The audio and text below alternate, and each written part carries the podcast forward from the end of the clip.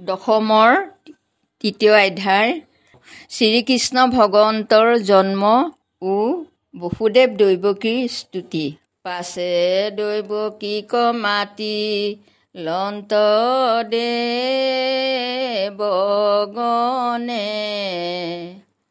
থাকিও কমাও ভয় নকৰিবা মনে। বিষ্ণু বাসালৈলে আহি গৰ্ভত তোমাৰ হেন দেখি ভৈল বৰ আনন্দ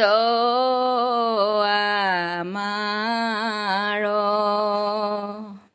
এৰাম মাৰিবে কংসে আক নকৰিবা ভয়। ৰাখিবন্ত যদু বংশ তোমাৰ তনয় দৈৱকীক বুলি হেন আশা বচন আপোন থানক লৰি গৈলা দেৱগণ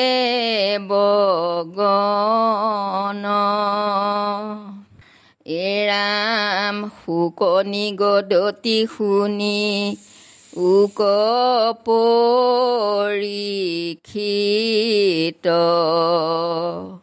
ৰোহিণী নখত যেবে ভৈল উপস্থিত।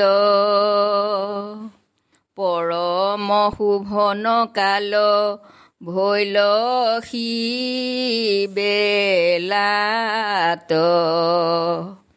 সুৰভি শীতল সুমং গল বহে বাত এৰাম দহু দিশ পহননিৰ মলতাৰাগন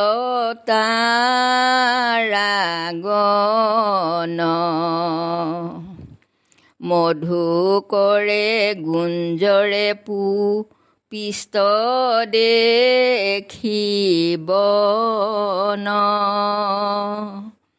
পৃথিৱীত সুমংগল মিলিল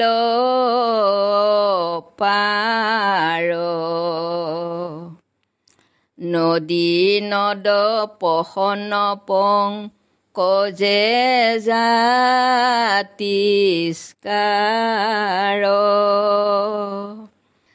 ভৈল মহা চচয়াতি সজনৰ মন।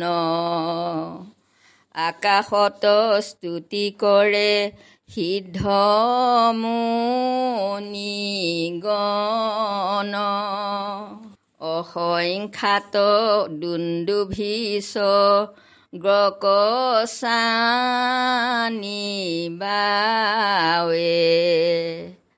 অপেচৰা নাচে বিদ্যা ধৰে গীত গাৱে।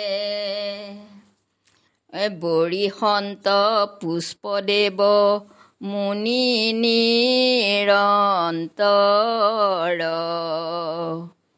সাগৰৰ লগত গড় যন্ত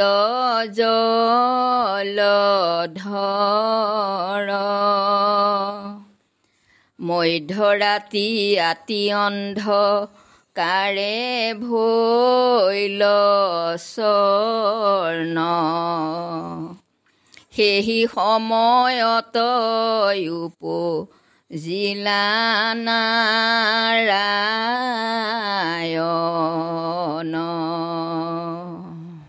জিলানাৰায়ণ এৰাম দৈৱকীৰ গৰ্ভে আহি ভৈলন্ত বেকত। চন্দ্ৰ যেন প্ৰকাশন্ত পূৰ্বৰ দিশত। কমল লোচন চাৰি ভুজে চাৰি অস্ত। কণ্ঠত কৌস্তুভ শিভে শুভে। কণ্ঠত কৌস্তুভ শুভে গাৱে পীত বস্ত। অমূল্য কীৰ্তি ৰত্ন গলে পাৰে জিকি তাৰ ৰশ্মি কেশয় কৰে চিকি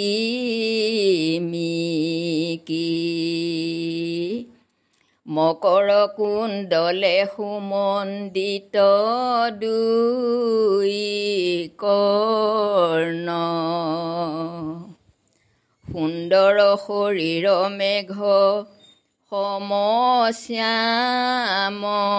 বৰ্ণ হিয়াতচি বৎস পান্তি গলে বনমালা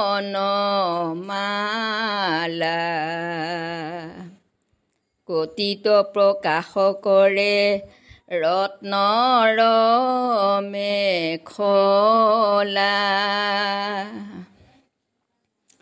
এৰাম কেউৰ কংকনে কৰে। কৰত দীপিতি। পাদ পদ্ম দুখানিক দেখন্তে টিপিতি ৰত্নময় নুপুৰে ক ৰন্তে আছে ঘোষ। জাক মনে ধৰি পাই ভকতে সন্তোষ। এৰাম শৰীৰৰ জ্যোতি সুতি গৃহ প্ৰকাশন্ত। অদ্ভুত বালক বসু দেৱে দেখিলন্ত মুহুৰ গৃহত উপ জিলানাৰায়ণ পৰম বিস্ময় ভৈল তব ধন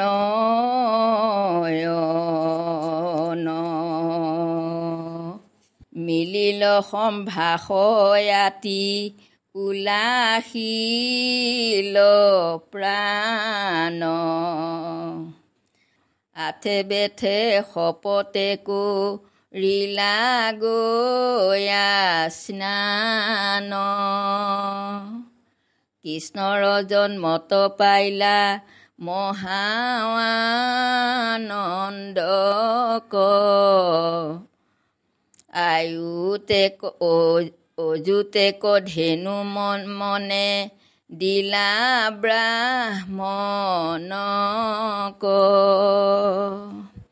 বিষ্ণুৰ প্ৰভাৱ জানি ভয় পৰিহৰি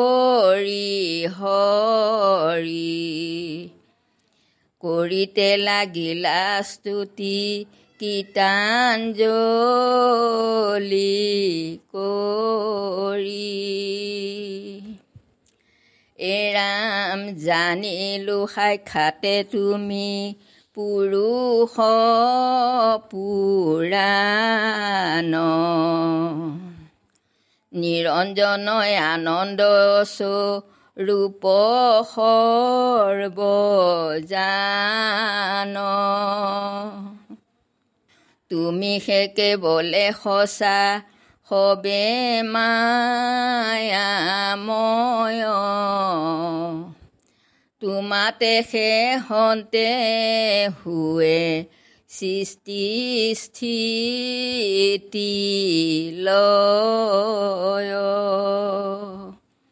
ব্ৰহ্মাৰূপে স্ৰজা পালা বিষ্ণুৰূপ ধৰি ৰুদ্ৰৰূপে নিয়া তুমি জগত সংহৰি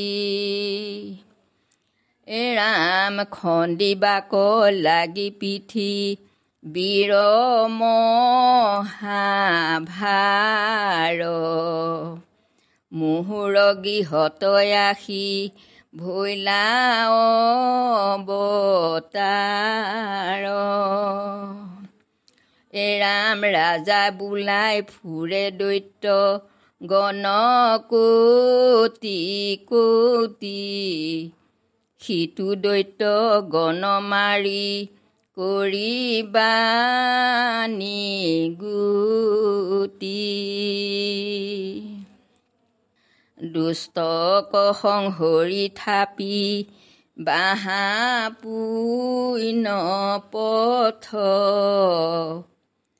পুৰি বাহা প্ৰভু জগ তৰ মনোৰথ। তোমাৰে সে ভকতিত ভুকুতি মুকুতি। কৰিলন্ত বসুদেৱে আনো নানা স্তুতি। এৰাম কংসৰায়ক দৰে আন থিৰনো শিকাই। কৃষ্ণক বোলন্ত প্ৰভু শুনাও ভিপ্ৰায় তুমি উপজিবা শুনি আকাশী বচন। পাপী কংসে মাৰিলেতো মাৰ ভাতি গণ। তোমাৰো কথা কৈ এটি খনে পাইবে জান। খান্দা ধৰি ধাইবে কংস অন্তক সমান সাৱধানে থাকা প্ৰভু হুয়া চকিত পাপিষ্ঠক দৰে মূৰ স্থিৰনো হে চিত এৰাম এহি বুলি বসুদেৱ মৌন হুয়াছে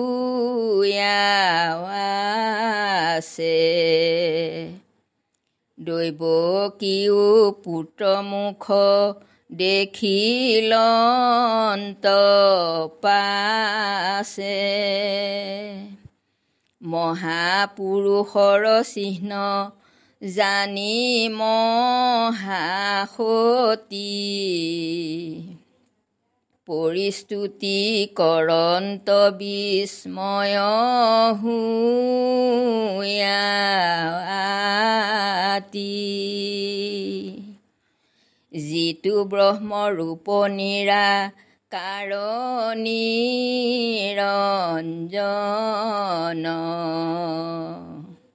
তেন্তে তুমি জানিলো খাই খাতে নাৰায়ণ। একোঠানে মনুষ্যে মৃত্যুৰণে ৰাই হাত। নকৰে ভকতি যেবে মাধৱ তোমাত। তোমাৰ পাৱত যেবে লৈলে ক আৰ্চয় তেবে সুস্থ হুয়া থাকে। পৰমনি ভয়। যেবে নষ্ট ভৈল লোক মহাপলয়ত। তুমি মাত্ৰ অৱশেষ থাকা অন্তত। দুনাই কালৰ ৰূপ হুয়া সজানাৰায়ণ। তোমাৰ চৰণে আবে লৈলো শৰণ দুঘূৰ কংসৰ ভয়ে তনু কম্পমান ভকতৰ ভয় হাৰি কৰা পৰিত্ৰাণ। তোমাক নজানে যেন মতে কংস পাপ ইটো দিব ৰূপ আবে সম্বৰীও বাপ তোমাকে সে লাগি উদ বেগ কৰে মন শংখ চক্ৰ গদা পদ্ম ঢাকানাৰায়ণ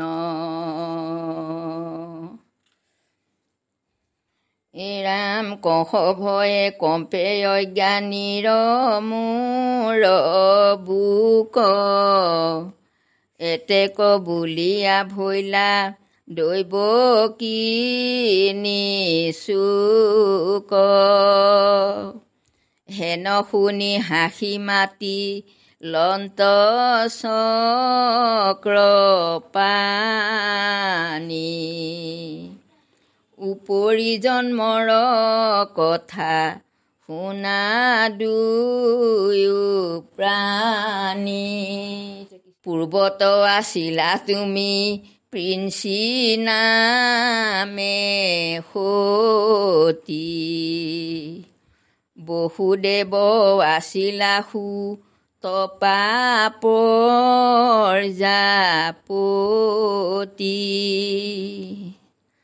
এৰাম সৃষ্টি কৰি বাক ব্ৰহ্মা দুই কোৱা দেখিলা শুনি দুয়ো প্ৰাণী ঘূৰ তপ চৰিলা। সহিলা হাঁহিম মহা ৰ'দ বৃষ্টি বাত বায়ু ভখি থাকা কতো ভুঞ্জি পাত আৰাধিলা মোক তপ কৰিয়া সৰিষ বহি গৈল দিব বাৰ হাজাৰ বৰিষ এহি ৰূপে দেখা দিয়া বুলুলোৱা বৰ বোলাহা পুতেক হৈক তুমি সমসৰ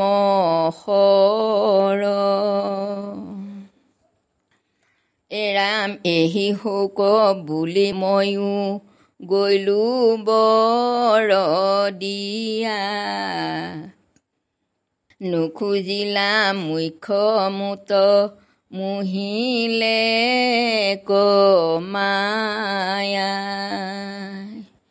লোকতনে দেখি মোৰ সমৰূপ গুণী পিঞ্চি গৰ্ভ নামে পুত্ৰ ভৈলো হুৱা পুনি অদিতি কাশ্যপ পাছে ভৈলা তোৰা দুই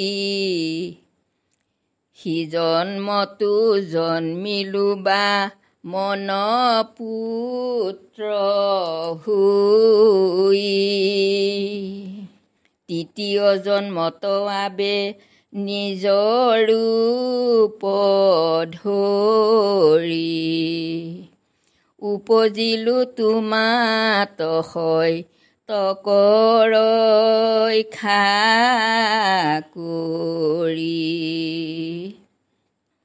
ব্ৰহ্মৰূপে চিন্তা নুহি কৰা পুত্ৰ স্নেহ। ইজন মেয় বৈছে মুখ্য পাইবাই দেহ। এৰাম কংসক শংকিয়া যেবে শুনিও পাই।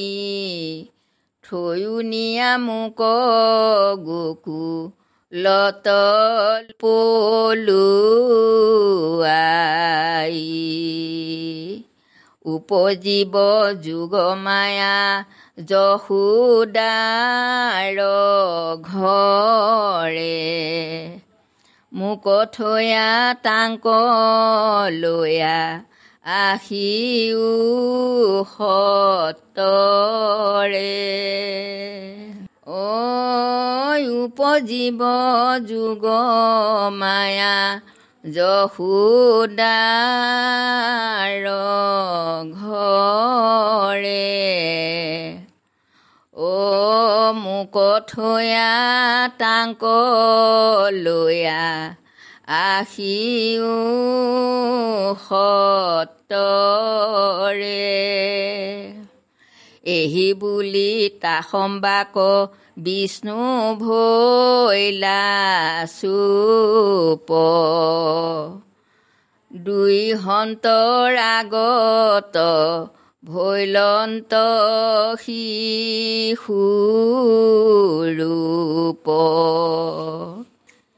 অ কৃষ্ণৰ আদেশ পাছে বহুদেৱে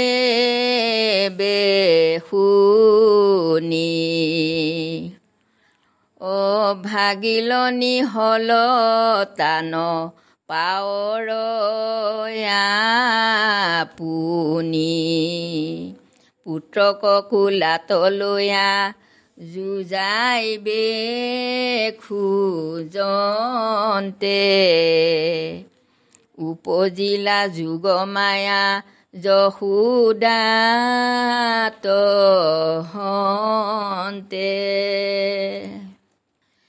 এৰাম পালি পোহৰীয়া নগ ৰিয়া দাৰি গণ দেৱীৰ প্ৰভাৱে সবে ভৈলয় চেতন নিদ্ৰা গয়া পৰিল যতেকে আছে ৰাখি। জাগি জীৱাও আছে সিও নেদেখিল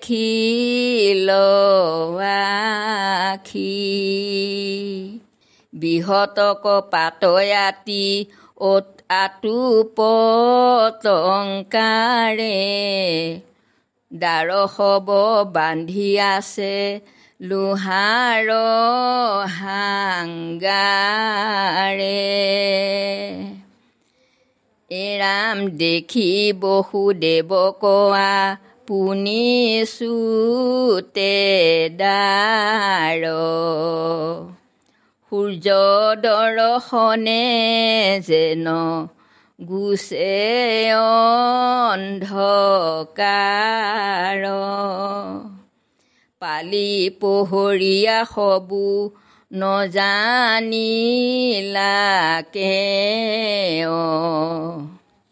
কৃষ্ণক কোলাত লৈয়া জান্ত বসুদেৱ বৰিষে কণিকা মেঘে ওপৰত গাৰ্জে ফনায়ে ধৰিলা ছত্ৰ আশীষৰ পৰা যে। বাৰিষা যমুনা নদী ফেন ফুটকাৰ ঢৌ দেখি লাগে ভয় ভাগে বৰজু আৰ এৰাম কৃষ্ণক দেখিয়া ভয়ে দিলা বাত মাজে। ৰামক দিলন্ত যেন পথ সিন্ধুৰাজে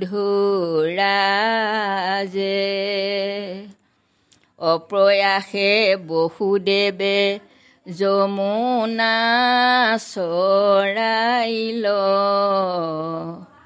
এক নিমিষেকে গয়া গকুল পাইল নিদ্ৰা গয়া গোৱালস কল আছে অচেতন যশোদাকো দেখিলন্ত পাছে ৰাম কৃষ্ণক থৈ লন্ত টান সৰজাত শুৱাই তাহান কন্যাকলৈয়া আহিলা দুনাই দৈৱকীৰ লগে শুৱাই থৈলা মহাবল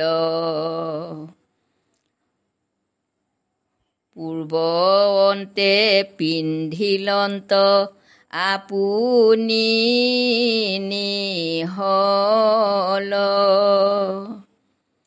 এৰাম দুনাই দুৱাৰত হব। কপাত লাগিল শিশুৰ কন্দন শুনি পহৰি জাগিল লৰন্তে ৰখীয়া কং শত জান দিল শুনা প্ৰভু দৈৱ কিৰ পুত্ৰ উপজিল। শুনি কংস উঠিয়াবি বল ভৈল বৰ। এহি মোৰ মৃত্যু বুলি দিলে কল পথত পৰন্তে যায় আউল যাওঁ। পথত পৰন্তে যাই আউল যাউল কেশ। যম যেন ভৈল সুতি গৃহত প্ৰৱেশ। কৃষ্ণৰ কিংকৰে কহে শুনা সৰ্বজনে তৰিবা সংসাৰ হৰি কথাৰ চবনে। হেন জানি একচিতে শুনা সাৱধানে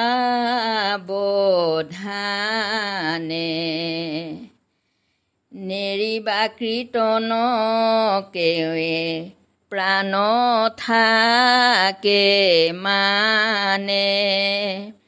ঘূৰ কলি যুগে জন্ম লভে যত প্ৰাণী। পাপৰ সাগৰে তল যাইবে হে জানি। তাক উধাৰিবে মনে কৃষ্ণ কি পাময় কৰিলা বিস্তাৰ নিজ পুণ্য কীৰ্তি ভকতজনৰ অনুগ্ৰহৰ কাৰণে কৰিলা অনেক লীলা প্ৰভু নাৰায়ণে। আকৌ এক চিত মনে যিটো কৰে পান দূৰ হুৱে দুখ সুখ যতে জ্ঞান। হেন জানি বুদ্ধজন জাত আছে মতি। কৰা সাৱধান মনে কৃষ্ণত ভকতি। তেবে সেতৰিবা সুখে সংসাৰ সাগৰে। কলি যুগে ধৰ্ম আউৰ নাহিয়াত পৰে। কলিৰ ভকত তাস হুয়া ধৰ্ম যত? এক স্থান হুয়া ৰৈল হৰিৰ নামত। জানিয়ে কচিতে যিটো ফুৰে নাম গাই। সমস্ত ধৰ্মক লগ পাইকে ঠাই। ইহি পৰমাৰ্থ তত্ত চাৰিও বেদৰ সমস্ত দেৱৰো জানা কৃষ্ণ হে ঈশ্বৰ সমস্ত ধৰ্মৰ ৰাজা মাধৱৰ নাম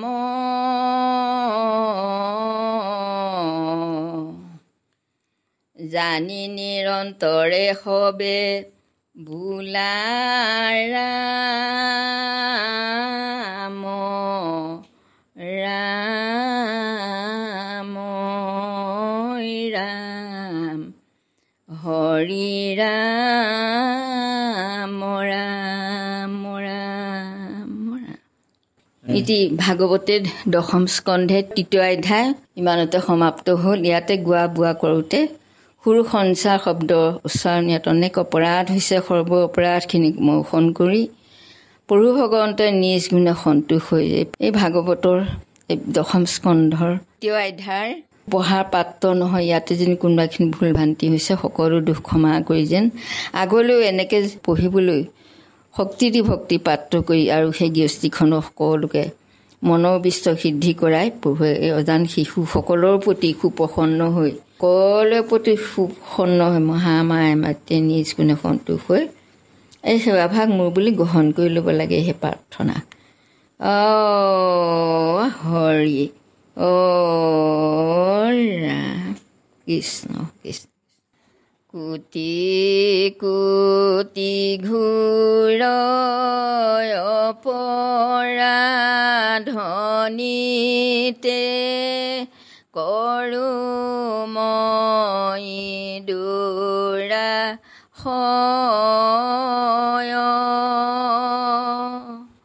হে হৰি মোক